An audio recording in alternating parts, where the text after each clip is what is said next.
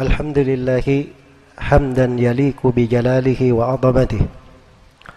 أشهد أن لا إله إلا الله وحده لا شريك له لا شريك له في ربوبيته وألوهيته وأسمائه وصفاته.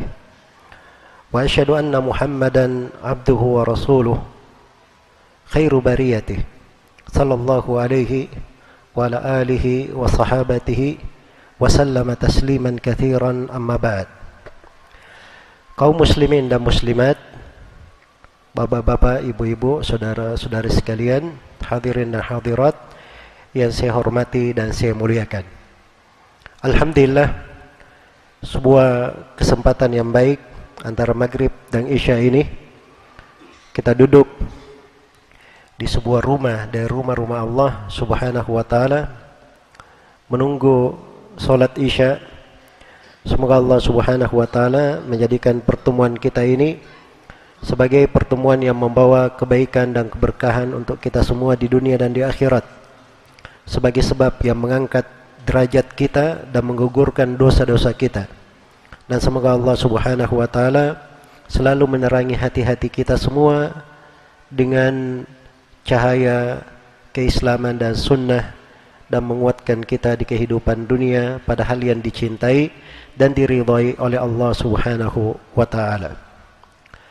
Tema pembahasan kita adalah tiga sumber segala akhlak yang mulia. Dan ini berasal dari sebuah hadis yang agung dari Rasulullah sallallahu alaihi wasallam. Dianggap oleh sebagian ulama sebagai hadith-hadith yang merupakan tumpuan pondasi Islam.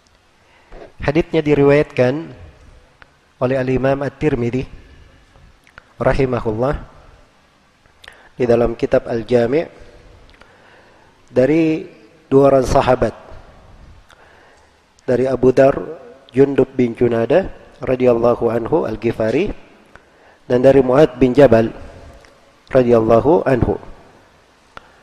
Keduanya meriwayatkan dari Nabi sallallahu alaihi wasallam.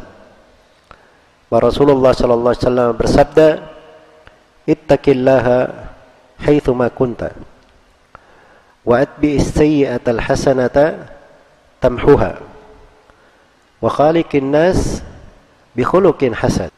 Rasulullah bersabda, "Bertakwalah engkau kepada Allah di mana pun engkau berada." Ikutilah perbuatan kejelekan dengan melakukan perbuatan kebaikan niscaya kebaikan itu akan menghapus kejelekan. Dan berinteraksilah dengan manusia bergaullah dengan mereka dengan akhlak yang baik. Ini hadith. Ada tiga hal di dalamnya. Kelihatannya ringkas. Tapi hadith ini mengumpulkan pondasi akhlak yang mulia. Dan hadis ini mengumpulkan seluruh hak-hak yang wajib kita tunaikan. Di dalamnya ada hal yang terkait dengan hak Allah Subhanahu wa taala. Dan ini adalah akhlak yang paling besar. ini adalah akhlak yang paling besar. Bagaimana kita menunaikan hak-hak Allah Subhanahu wa taala. Kemudian yang kedua, ada hak-hak yang terkait dengan sesama manusia. Itu dua. Adapun yang terkait dengan hak Allah itu di potongan hadis yang pertama. Ittaqillaha haitsu ma kunta. Bertakwalah engkau kepada Allah di mana pun engkau berada. Adapun yang terkait dengan hak kaum mukminin maka ada ada dibagi di sini menjadi dua. Ada akhlak terkait dengan diri sendiri dan ada akhlak terkait dengan orang lain. Yang terkait dengan diri sendiri itu adalah sabda Nabi sallallahu alaihi wasallam wa atbi sayyi'atal hasanah. Kalau ada yang berbuat kejelekan atau dia berbuat kejelekan, maka ikuti dengan perbuatan baik. Perbuatan baik ini akan menghapuskan kejelekan. Dan yang terkait dengan hak kaum mukminin bergaullah dengan mereka bersama atau berupa akhlak yang mulia. Jadi hadits ini mengandung tiga hal yang di dalamnya semuanya menunjukkan akhlak yang mulia yang dibawa oleh Rasulullah sallallahu alaihi wasallam. Allah telah mensifatkan nabinya di dalam Al-Qur'an wa innaka la'ala khuluqin 'azim. Sesungguhnya engkau Nabi Muhammad benar-benar berada di atas akhlak yang mulia, akhlak yang agung. Dan di dalam hadis Aisyah yang diriwayatkan oleh Al-Bukhari dan Muslim, Rasulullah sallallahu alaihi wasallam bersabda, innama bu'ittu liutammima makarimal akhlaq sesungguhnya saya diutus untuk menyempurnakan akhlak yang mulia untuk menyempurnakan akhlak yang mulia Rasulullah sallallahu alaihi wasallam itu semenjak kecilnya beliau sudah dididik oleh Allah dengan akhlak-akhlak yang agung pembawaan dari kecil Makanya sebelum beliau diutus sebagai seorang nabi, beliau sudah digelari oleh manusia dengan gelar apa? Al-Amin, orang yang terpercaya. Ini akhlak mulia pembawaan beliau. Siapa pun yang ketemu dengan beliau, pernah melihatnya, berbicara dengannya sebelum beliau menjadi rasul, semuanya akan tahu bahwa beliau adalah seorang yang terpercaya. Tidak ada tidak ada amanah di sisi Rasulullah yang dikhianati atau ditelantarkan. Makanya digelari sebagai Al-Amin. Sebagaimana orang-orang Arab dahulu itu punya kebiasaan. Kalau dia punya anak kecil, anak kecilnya itu tidak hidup bersama orang tuanya. Tapi dibawa ke perkampungan yang memiliki akhlak yang agung di sana. Jadi bawa ke perkampungan.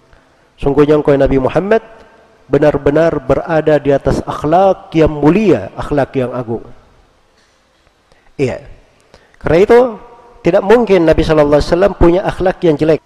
Walaupun hal tersebut semacam kecilnya sebelum beliau diutus sebagai seorang rasul. Bersamaan dengan akhlak yang mulia ini, Allah Subhanahu wa taala menambah beliau dengan akhlak-akhlak yang lain sehingga sempurnalah akhlak itu dibawa oleh Rasulullah sallallahu alaihi wasallam maka jadilah beliau manusia yang paling baik akhlaknya di antara seluruh makhluk yang pernah menginjak bumi ini. Dan itu termasuk keistimewaan kita umat Islam di dalam hal ini. Karena akhlak yang mulia itu siapa yang bersifat dengannya Siapa yang bersifat dengannya itu adalah pintu kebaikan yang sangat besar sekali. Karena itu datang di dalam hadis yang diriwayatkan oleh Imam Muslim dari sahabat An-Nawas bin Sim'an radhiyallahu anhuma Rasulullah sallallahu alaihi wasallam bersabda al-birru husnul khuluq kebaikan itu semuanya di dalam akhlak yang mulia. Jadi kebaikan kalau bertanya kebaikan semuanya berada di mana? Di dalam akhlak yang mulia. Kalau ingin kebajikan apa saja cari akhlak yang mulia. Iya. Ah, itulah akhlak terkait dengan Allah, akhlak terkait dengan diri sendiri, akhlak terkait dengan sesama manusia. Semuanya diatur. Dan di dalam hadis yang lain Rasulullah sallallahu alaihi wasallam menyebutkan bahwa seorang hamba diangkat derajatnya oleh Allah diberi dari keutamaan itu melebihi orang yang biasa solat dan orang orang yang biasa solat malam dan berpuasa di siang hari dengan akhlak yang mulia. Iya. Sampai melebihi dari derajat itu. Makanya jangan menyangka bahwa oh kebaikan kita mau memperbanyak amalan memperbanyak ketaatan bagaimana caranya saya banyak sholat malam kita lakukan sholat sunnah semuanya saya banyak melakukan puasa sunnah betul itu amalan ketaatan. Tapi jangan menyangka pulang ke rumah dalam keadaan tersenyum kepada keluarga berbuat baik kepada anak dan istri memenuhi keperluan mereka ketemu dengan saudara kita di jalan, kita memberi salam, tersenyum dengan saudara, berbuat baik kepada tetangga, menyambung silaturahmi, jangan dianggap bahwa akhlak-akhlak yang seperti ini bukan lahan ketaatan. Ingat, sebagian dari akhlak yang mulia itu lebih tinggi derajatnya daripada puasa sunnah dan solat sunnah. Dengan akhlak yang mulia tersebut. Bahkan di timbangan akhlak yang mulia itu lebih berat di timbangan Allah subhanahu wa ta'ala dari sejumlah amalan. Kalau kita berbicara tentang timbangan-timbangan kebaikan, amalan-amalan kita. Iya. Dan itulah yang harusnya selalu kita pikirkan. Kita ini akan kembali kepada Allah. Akan datang nanti hari hisab. Akan ditimbang antara kebaikan dan kejelekan kita. Kalau timbangan kita ringan, apa yang kita harapkan? Makanya subhanallah dibukakan untuk kita pintu-pintu ketaatan. Pintu-pintu ibadah di dalam akhlak yang mulia ini. Karena itu perhatikan tiga wasiat Nabi Shallallahu Alaihi Wasallam di sini. Ringkas, tetapi mencakup segala hal yang bisa membawa kebahagiaan seorang hamba. Yang pertama Rasulullah Shallallahu Alaihi Wasallam bersabda, "Ittaqillaha haitsuma kunta." Bertakwalah engkau kepada Allah di mana pun engkau berada. Apa itu takwa? Ini kalimat sering kita dengarkan. Apa itu takwa? Takwa dari kata al-wiqayah. Dari kata al-wiqayah. Artinya pemisah. Yang menghalangi. Dengan takwa itu, seakan-akan seseorang membuat antara dirinya dan api neraka ada pemisah yang memisahkan. Dengan takwa, seakan-akan antara dirinya dan kemurkaan Allah ada penghalang yang menjauhkan antara keduanya. Itulah yang disebut dengan takwa. Di dalam mendefinisikan takwa, sebagian ulama berkata bahwa takwa itu anta'mala bi ta'atillah ala nurin minallah tarju thawab Allah. Takwa adalah engkau beramal dengan ketaatan kepada Allah. Di atas cahaya dari Allah, engkau mengharap pahala dari Allah. Wa tatruka ma'siyat Allah ala nurin min Allah takhafu iqab Allah. Dan takwa adalah engkau ber, meninggalkan maksiat-maksiat kepada Allah di atas cahaya dari Allah engkau tinggalkan maksiat karena takut kepada Allah. Apa maksudnya di atas cahaya dari Allah? Maksudnya sesuai dengan tuntunan Allah subhanahu wa ta'ala. Jadi takwa kesimpulannya di definisi ini dikatakan bahwa melakukan segala ketaatan dan meninggalkan segala larangan. Dia lakukan ketaatan itu karena mengharap pahala dari Allah dan dia tinggalkan larangan itu karena takut dari siksaan Allah. Itulah yang disebut dengan takwa. Ali bin Abi Thalib pernah ditanya, apa itu takwa? Kata beliau takwa adalah al-khawfu minal jalil. Kamu takut kepada Allah yang maha agung. Wal isti'dadu liyaumir rahil. Dan kamu bersiap untuk menyambut hari perjalanan kepada Allah Subhanahu wa taala. Ibnu Mas'ud radhiyallahu taala anhu ketika membaca ayat Ya ayyuhalladzina amanu taqullaha haqqa tuqatih wa la tamutunna illa wa antum muslimun. Wahai orang-orang yang beriman, bertakwalah kepada Allah dengan sebenar-benar takwa dan jangan sekali-sekali kalian meninggal Kecuali dalam keadaan sebagai seorang muslim Apa artinya sebenar-benar takwa?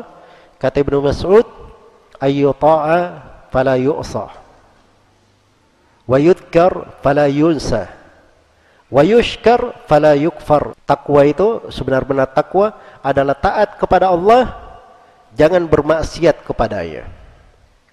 Selalu berzikir mengingat Allah, jangan pernah melupakannya. dan selalu bersyukur terhadap segala nikmat Allah, jangan pernah kafir terhadap nikmat apa pun. Inilah yang disebut oleh Ibnu Mas'ud dengan ketakwaan sebenar-benar ketakwaan. Bertakwa kepada Allah dengan sebenar-benar takwa. Iya. Kalau kita sudah mengetahui definisi takwa ini, bagaimana takwa tersebut, maka perhatikanlah perintah Nabi sallallahu alaihi wasallam. Kalau kita baca hadis-hadis seperti ini mengandung perintah bagi seorang muslim dan muslimah, itu harusnya dia bayangkan Nabi berdiri di depannya. Dia panggil namanya. Kamu Muhammad. Bertakwalah kepada Allah di mana pun kamu berada. Bayangkan Nabi yang berbicara seperti itu kepada kita. Kira-kira bagaimana? Hah? Kita dengar atau tidak? Iya, kita ingat pesannya. Harusnya kita ingat sepanjang kita hidup. Itu sebenarnya wejangan Nabi itu untuk setiap orang dari umatnya. Jadi kalau ada hadis dibaca, jangan selalu berpikir, oh ini hadis untuk orang lain. Ya pertama, kita anggap dulu diri kita. Kita diperuntuk, hadis ini diperuntukkan untuk kita. Kalau kita selalu membayangkan seperti itu, maka itu insya Allah Taala akan membuat hadit-hadit itu lebih agung dan lebih besar kedudukannya di dalam hati. Iya. Maka Nabi bersabda, Ittaqillaha haithuma kunta. Bertakwalah kepada Allah di mana pun kamu berada. Takwa kepada Allah. Dalam keadaan sendiri. Dalam keadaan di keramaian. Dalam keadaan mukim. Dalam keadaan perjalanan. Di tengah keluarga maupun di tengah kawan-kawan sebagai seorang yang memiliki kedudukan atau sebagai orang yang biasa di kondisi apa pun, di keadaan apa pun, di tempat apa pun bertakwalah kepada Allah. Itu kunci keselamatan. Karena takwa ini adalah wasiat Allah Subhanahu wa taala kepada seluruh makhluk yang terdahulu maupun yang akan datang. Dan kita umat Islam, umat yang paling terakhir kita juga diberi wasiat oleh Allah untuk selalu bertakwa.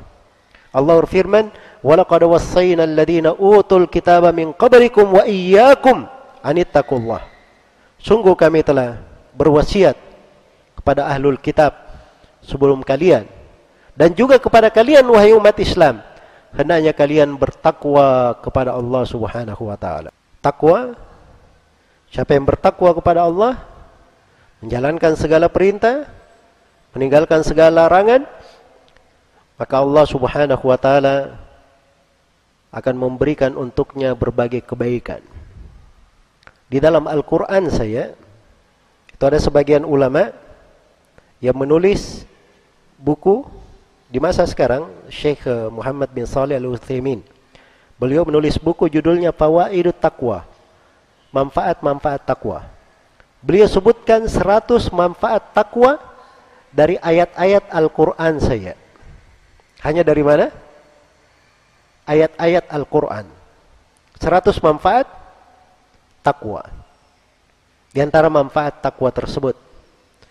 Allah subhanahu wa ta'ala berfirman, Amanu attaqullah wa aminu bi rasulihi yu'tikum kiflaini min rahmati wa yaj'al lakum nuran tamshuna bihi wa yaghfir lakum wallahu ghafurur rahim.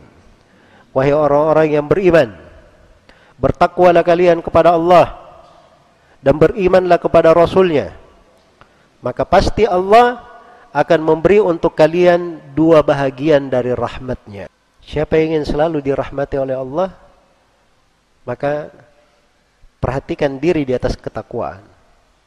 Semakin seorang itu berada di atas ketakwaan, maka rahmat Allah akan selalu akan semakin selalu bersamanya. Diberi dua bahagian dari rahmat.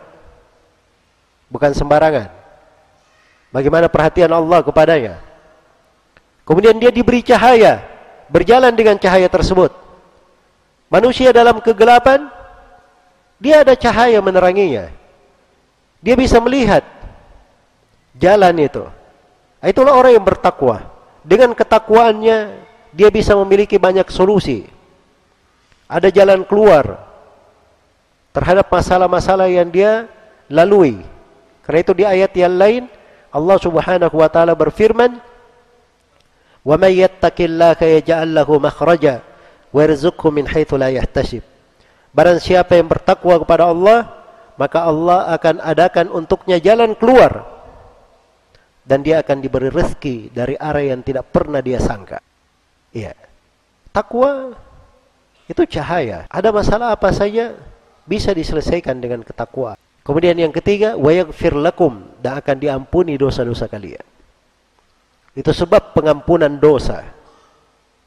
Sebab pengampunan dosa. Semakin seorang itu menjalankan apa yang diperintah, semakin gigih dia meninggalkan apa yang dilarang, maka itu adalah sebab pengampunan untuknya. Hal yang menggugurkan dosa-dosanya. Makanya wajar kalau Nabi berkata, Ittaqillaha haithu makunta. Bertakwalah kepada Allah di mana pun engkau berada. Iya. Ketakwaan kepada Allah itu penting di mana pun kita berada. Karena diri ini perlu rahmat Allah di mana pun dia berada. Dan kita ini memijak bumi. Ada tanah yang kita pijak. Ini negeri yang kita pijak adalah negeri kaum muslimin hidup di dalamnya. Kalau kita bertakwa kepada Allah, maka akan turun kebaikan juga di negeri yang kita pijak. Iya. Karena itu Allah Subhanahu wa taala berfirman, walau anna ahlal qura amanu wattaqau lafatahna anhum barakat lafatahna lahum barakatim minas samai wal ard andai kata penduduk negeri beriman dan bertakwa kami akan bukakan untuk mereka berkah-berkah dari langit dan bumi berkah-berkah dari mana langit dan bumi itu dengan takwa dengan takwa seseorang akan meraih derajat kewalian. Ya. Derajat apa? Kewalian. Wali di sisi Allah. Ya, jangan ada yang menyangka wali itu keturunan. Kalau dia keturunan begini, punya nasab begini, maka dia adalah wali. Itu tidak ada hitungannya di dalam syariat. Bahkan dalam hadis riwayat Bukhari dan Muslim, Nabi berkata, keluarga fulan, keluarga fulan ada hubungan kerabat dengan Nabi. Itu bukan waliku, kata Nabi. Wali saya adalah al-muttaqun. Waliku kata Nabi orang-orang yang bertakwa. Mau menyambung kerabat dengan Nabi? Jalurnya adalah jalur takwa. Jalur takwa. Karena itu dengan takwa ini seorang dikumpulkan bersama Nabi sallallahu alaihi wasallam. Iya. Dengan takwa seorang menyeraih derajat kewalian. Allah berfirman, "Ala inna awliya Allah la khaufun 'alaihim wa la hum yahzanun, alladzina amanu wa kanu yattaqun." Ketahuilah bahwa wali-wali Allah itu tidak ada rasa takut terhadap mereka dan tidak ada pula rasa khawatir. Siapa wali-wali Allah ini? Orang-orang yang beriman lagi bertakwa. Sebutkan syaratnya keimanan dan apa? Ketakwaan. Maka siapa yang bertakwa kepada Allah, dia adalah wali Allah. Dia adalah wali Allah Subhanahu wa taala. Bukan dari syarat orang yang bertakwa dia tidak pernah jatuh di dalam dosa. Jadi jangan berkata wali itu ini sudah kebal dosa atau sudah apa? maksum dari dosa. Itu tidak ada ceritanya seperti itu. Iya, para nabi saja ada melakukan kesalahan Ya. Karena itu di hari kiamat Nabi Adam hanya menyebut kesalahan yang pernah dia lakukan ketika diminta oleh manusia supaya memohon kepada Allah, hisab disegerakan. Nabi Adam berkata, saya pernah berbuat dosa. Maka hari ini saya hanya memikirkan diriku, diriku, dan diriku. Pergi kalian kepada Nabi Nuh. Jelas ya? Baik. Apalagi manusia. Kita orang yang berbuat dosa siang dan malam. Banyak kekeliruan dan kesalahan. Iya. Karena itu wali-wali itu bukan dari syaratnya dia tidak pernah jatuh di dalam dosa. Tapi wali itu adalah siapa yang kalau dia jatuh di dalam dosa, dia segera bertobat kepada Allah Subhanahu wa taala dan tobat itu pintu ibadah yang lain. Bentuk dari ketakwaan juga. Karena itu dalam Al-Qur'an Allah berfirman, "Innal ladzina taqau idza massahum ta'ifun minasyaitani tadakkaru fa idahum mubsirun." Sungguhnya orang-orang yang bertakwa kalau mereka kena gangguan syaitan akhirnya jatuh dalam dosa, jatuh dalam kekeliruan, mereka segera mengingat. Itu keistimewaan takwanya. Ya, walladzina idza fa'alu fahishatan aw dhalamu anfusahum dzakarullaha fastaghfaru lidunubihim wa lam yusirru ala ma fa'alu. Wa may yaghfiru dzunuba illa Allah wa lam yusirru ala ma fa'alu wa hum ya'lamun. Orang yang beriman itu apabila dia melakukan kekejian atau mendolimi diri mereka mereka segera mengingat Allah. Lalu segera beristighfar. Itu orang yang bertakwa kalau diganggu oleh syaitan, dia segera mengingat. Nah, begitu dia mengingat, faidahum mubsirun. Nah, itu yang membedakan. Ketakwaan itu ketika dia jatuh dalam kekeliruan, setelahnya membuat dia semakin tajam pandangannya. Oh, saya sudah pernah jatuh di sini, di lubang ini. Syaitan pernah menjerat saya di sini. Saya nggak mau jatuh di sini lagi. Nah, itu sifatnya orang yang bertakwa. Karena itu dalam hadis riwayat Bukhari dan Muslim, Rasulullah sallallahu alaihi wasallam bersabda, "La yuldagul mu'min bi juhrin wahidin marratain." Seorang mukmin itu tidaklah terjatuh di dalam lubang binatang buas sebanyak dua kali. Satu kali saja. Sudah pernah lewat sebuah jalan, ada lubang binatang buas di situ, nah dia sudah tahu ini ada lubang di situ. Dia hati-hati. Nah, itu ketakwaan. Iya dan bagaimana indahnya takwa tersebut. Dengan takwa itu seseorang bisa membedakan antara yang hak dan yang batil. Dengan takwa itu dia akan membuat hidupnya semakin nikmat. Dan dengan ketakwaan itu Allah Subhanahu wa taala akan menyelamatkannya pada hari kiamat. Ingat, ada sumpah Allah Subhanahu wa taala. Sumpah ini berlaku untuk semuanya. Berlaku untuk seluruh makhluk, termasuk para nabi dan para rasul. Allah bersumpah, "Wa in minkum illa wariduha kana ala rabbika hatman maqdiya." Tidak ada seorang pun di antara kalian kecuali akan mendatangi neraka jahanam. Itu adalah ketentuan yang sudah dipastikan oleh Allah tidak akan berubah. Jadi setiap dari kita ini Bahkan para nabi dan para rasul itu akan mendatangi neraka jahanam. Mendatangi untuk apa? Iya. Di neraka jahanam itu di punggungnya dihamparkan jembatan.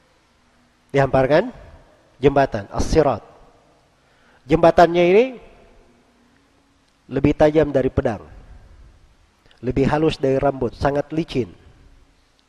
Di tengahnya ada rintangan-rintangan seperti apa namanya jangkar-jangkar yang menyambar itu.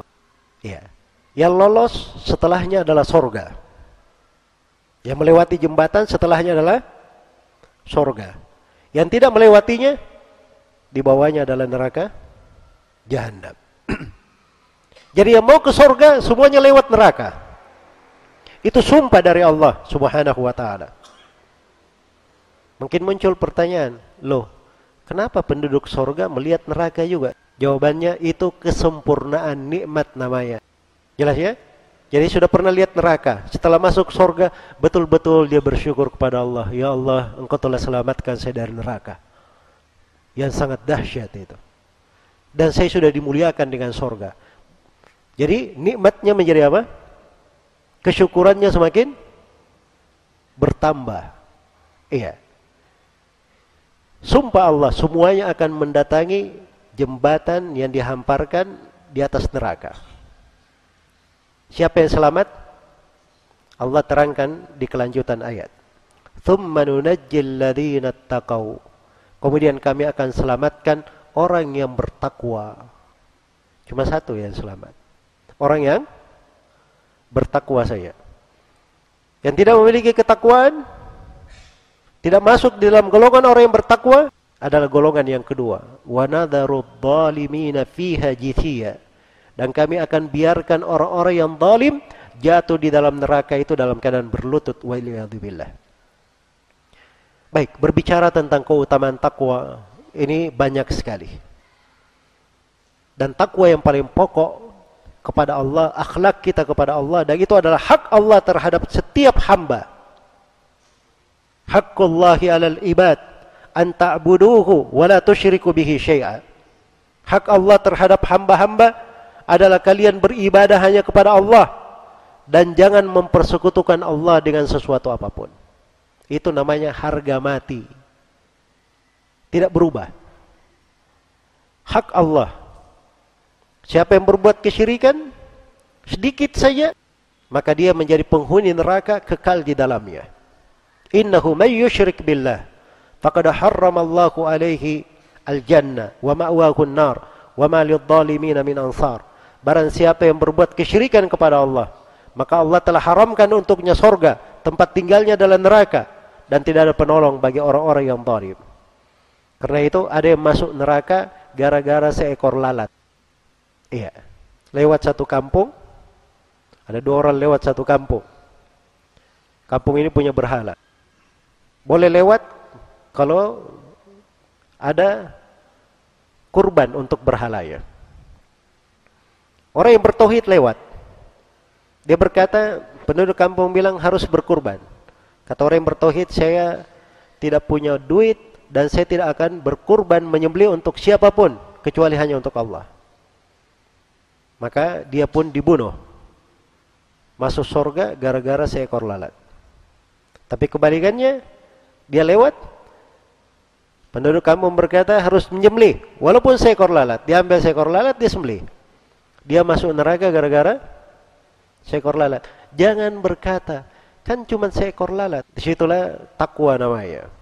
La tamdurul ila sigharil ma'siyah undur ila man asait. Jangan kamu lihat kepada kecilnya maksiat tapi lihat kamu itu bermaksiat kepada siapa? Kepada Allah kamu bermaksiat Apalagi kesyirikan, itu hak Allah Subhanahu wa taala. Allah tidak ridha diberikan kepada siapa pun. Makanya kalau ada yang berdoa kepada Nabi sekalipun dia datang ke ke, ke Medina, terus dia berdoa, "Ya Rasulullah, mudahkan saya di urusan kehidupan dunia saya." Maka itu musyrik keluar dari Islam.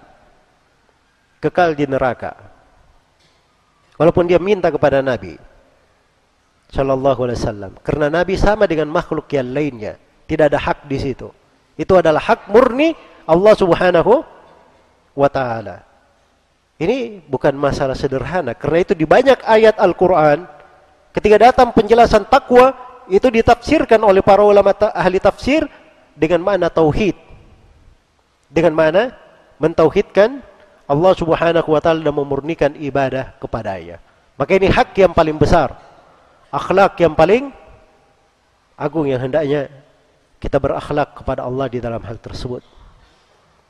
Dan orang yang paling baik akhlaknya kepada Allah itu adalah orang yang paling memahami agama. Dan orang yang paling memahami tentang asmaul husna, nama-nama Allah dan sifat-sifat Allah Subhanahu wa taala. Kemudian yang kedua, Rasulullah sallallahu alaihi wasallam bersabda, wa atbi'is hasanah tamhuha. Ikutilah perbuatan kejelekan dengan perbuatan baik. Maka kebaikan ini akan menghapus kejelekan. Iya, kalau seorang berbuat kekeliruan, berbuat dosa, bagaimana cara dia menghapus dosa-dosanya? Caranya dengan dia berbuat baik. Itu salah satu cara menggugurkan dosa. Karena itu datang seorang sahabat kepada Nabi sallallahu alaihi wasallam. Dia berkata, "Ya Rasulullah, saya berbuat dosa. Saya mencium seorang perempuan yang bukan mahramku." Maka Nabi sallallahu alaihi wasallam terdiam. Maka turunlah ayat Al-Qur'an. Iya. Turun ayat Al-Qur'an, "Aqimis salata tarafain nahari wa zulafan minal lail. Innal hasanati yudhibna sayyi'at. Tegakkanlah salat di dua ujung siang. Maksudnya salat subuh, salat duhur dan salat asar dan di waktu di malam hari, maksudnya salat maghrib dan salat isya. Tegakkanlah salat di dua ujung siang dan di malam hari. Sesungguhnya kebaikan-kebaikan akan menghilangkan kejelekan-kejelekan. Iya. Karena itu bagi siapa yang ingin bertobat, dia pernah berbuat kekeliruan, kejelekan, dia ikuti dengan perbuatan yang baik. Dia berbuat dari amalan-amalan yang baik. Iya. Dia pernah mengambil hak orang. Maka dikembalikan hak itu kepada pemiliknya. Pemiliknya dia tidak temukan lagi. Maka dia memberi hal yang sama kepada manusia, dia sedekahkan. Agar supaya itu bisa menjadi kebaikan untuk orang tersebut dan kebaikan untuk dia nanti di pengadilan Allah di hari kiamat. Ada pengadilan Allah. Setelah jembatan itu tadi saya sebut, ada lagi namanya kontorah. Ada jembatan lagi setelahnya. Jembatan ini, di situlah terjadi kisos. Jadi penduduk sorga ini sudah lewat jembatan neraka kan, artinya dia ke sorga harusnya. Kontorah ini, di situ masih ada kisos lagi. Orang datang dengan pahala kebaikan, dengan solat, puasa, zakat. Tapi dia datang dalam kondisi dia setelah mentolimi si fulan. Memakan harta si fulan, menumpahkan darah si fulan, memaki si fulan, memukul si fulan. Semuanya yang dia tolimi datang menuntut. Ada yang menuntut, dia bayar. Kebaikan, bayar. Habis kebaikannya. Masih ada yang menuntutnya. Diambil dosa orang tersebut, diambil dosanya. Setelah itu dia dilemparkan ke neraka wali'adzubillah. Ini orang yang merugi. Iya. Makanya berbuat baik, ada kejelekan dilakukan, ikuti dengan berbuat baik. Ustadz, saya pernah dahulu meninggalkan sholat, tapi sekarang saya sudah tobat. Sholat itu nggak bisa diganti, tidak bisa dikodok sholat itu. Untuk menyelesaikannya, caranya bagaimana? Untuk sholat, Caranya kita memperbanyak dari sholat sunnah. Perbanyak dari sholat sunnah supaya bisa menjadi bekal menutupi kewajiban yang sudah bolong sebelumnya. Iya. Begitu caranya. Maka ini kaidah. Demikian pula terkait dengan hal yang lain. Andai kata ada orang yang berbuat kejelekan kepada kita, maka jangan kita balas dengan perbuatan jelek pula. Kita balas dengan kebaikan. Itu yang paling baiknya. Walaupun ada hak kita membalasnya. Ya, karena Allah berfirman wa jazaa'u sayyi'atin mithluha. Balasan perbuatan jelek boleh dibalas dengan kejelekan semisal dengannya. Tetapi faman afa wa aslaha fa ajruhu 'ala Allah. Siapa yang memaafkan dan mengadakan perbaikan, pahalanya ditanggung oleh Allah. Kalau dia memaafkan lebih hebat. Idfa billati hi ahsan fa idzal ladzi bainaka wa bainahu adawa ka'annahu waliyyun hamim balaslah perbuatan jelek dengan hal yang baik. Maka orang yang tadinya benci kepada kamu, dia bisa berubah menjadi orang yang sangat menyayangimu. Kemudian yang ketiga, Rasulullah sallallahu alaihi wasallam bersabda, "Wa khaliqun nas bi khuluqin hasan, wa khalitin nas bi khuluqin hasan." Bergaullah dengan manusia, berinteraksilah dengan manusia dengan akhlak yang baik. Dengan akhlak yang hasan. Iya. Banyak akhlak yang mulia, akhlak yang baik. Ada yang terkait dengan hati, ada yang terkait dengan lisan, ada yang terkait dengan tubuh. Hati misalnya, seorang itu tidak ada kedengkian terhadap siapa pun dari kaum muslimin. Itu namanya salamatus sodor, keselamatan hati. Terhadap Nabi dan para sahabat dia sangat cinta. Terhadap kaum muslimin dia tidak ada dendam dengki ingin kebaikan untuk mereka. Dan terhadap pemerintah pun, walaupun berbuat kezaliman, dia tidak ada dendam, benci di dalam hatinya. Malah dia bersabar mendoakannya. Dan itulah sifatnya orang-orang yang bersih hatinya. Karena Rasulullah sallallahu alaihi wasallam bersabda dalam sejumlah hadis yang sahih, beliau berkata, "Thalathun la yagillu alaihinna muslim." Ada tiga perkara yang hati seorang muslim itu tidak akan membawa kedengkian dengan tiga perkara ini. Jadi kalau tiga perkara ini ada pada dia, hatinya itu bersih, tidak ada dengkinya. Apa tiga perkara ini? Kata Nabi, ikhlasul amalulillah. Yang pertama mengikhlaskan amalan untuk Allah. Yang kedua, ta'atu wulatil umur. Taat kepada para pemerintah. Dan yang ketiga, luzum jamaatil muslimin. Komitmen bersama kebersamaan kaum muslimin. Kita umat Islam ini dalam sebuah negara dipimpin oleh kepala negara, itu namanya kita berjamaah. Kita berjamaah di hukum syariat. Kalau kita komitmen dengan jamaah, tidak keluar dari jamaah, maka itu tanda bersihnya hati. Iya. Tidak usah berkata, oh saya mengeritik pemerintah, ini saya menghendaki kebaikan untuk kaum muslimin. Tidak, kamu dusta. Karena Rasulullah sudah kabarkan, hati yang tidak ada kedengkian, caranya seperti itu. Iya. Dia pasti taat kepada pemerintah, dan dia pasti apa? Komitmen di dalam kebersamaan kaum muslimin. Tidak ingin memecah belah. Andai kata kamu jujur, ingin kebaikan untuk umat, maka kamu tidak berbicara di depan umum, datangi pemerintahnya, nasihati dia secara langsung. Nah, itu baru penasihat namanya. Orang yang menghendaki kebaikan. Orang yang bagus hatinya. Maka akhlak yang mulia itu banyak sudutnya. Jangan seorang melihat dari akhlak dia pandai misalnya pada solatnya, pada bentuk ibadahnya, tetapi lisannya adalah lisan yang membawa kebencian untuk manusia. Berucap kalimat-kalimat yang tidak layak diucapkan kepada manusia. Iya. Kadang seorang tidak berpikir. Ada suatu hikmah yang indah ya.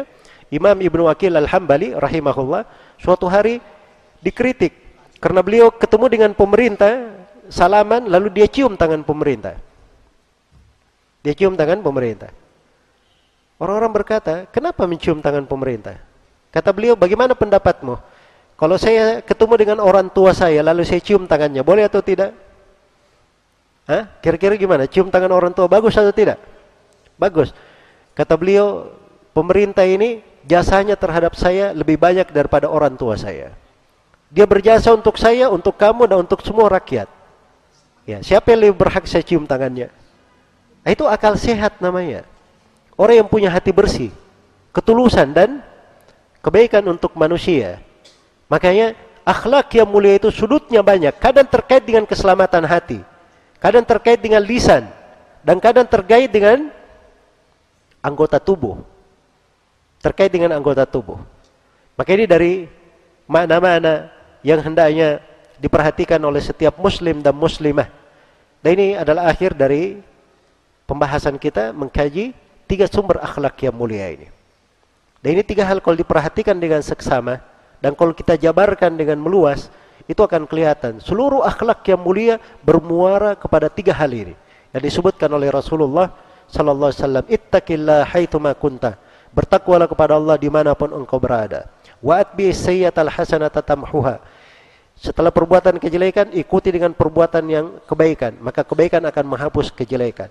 Wa khaliqin nasa bi hasan. Dan bergaullah dengan manusia dengan akhlak yang mulia Semoga Allah Subhanahu wa taala memuliakan kita semua dengan tiga sifat yang agung ini, menjaga kita semua di atas keislaman, mewafatkan kita semua di atas apa yang dicintai dan diridhai oleh Allah Subhanahu wa taala.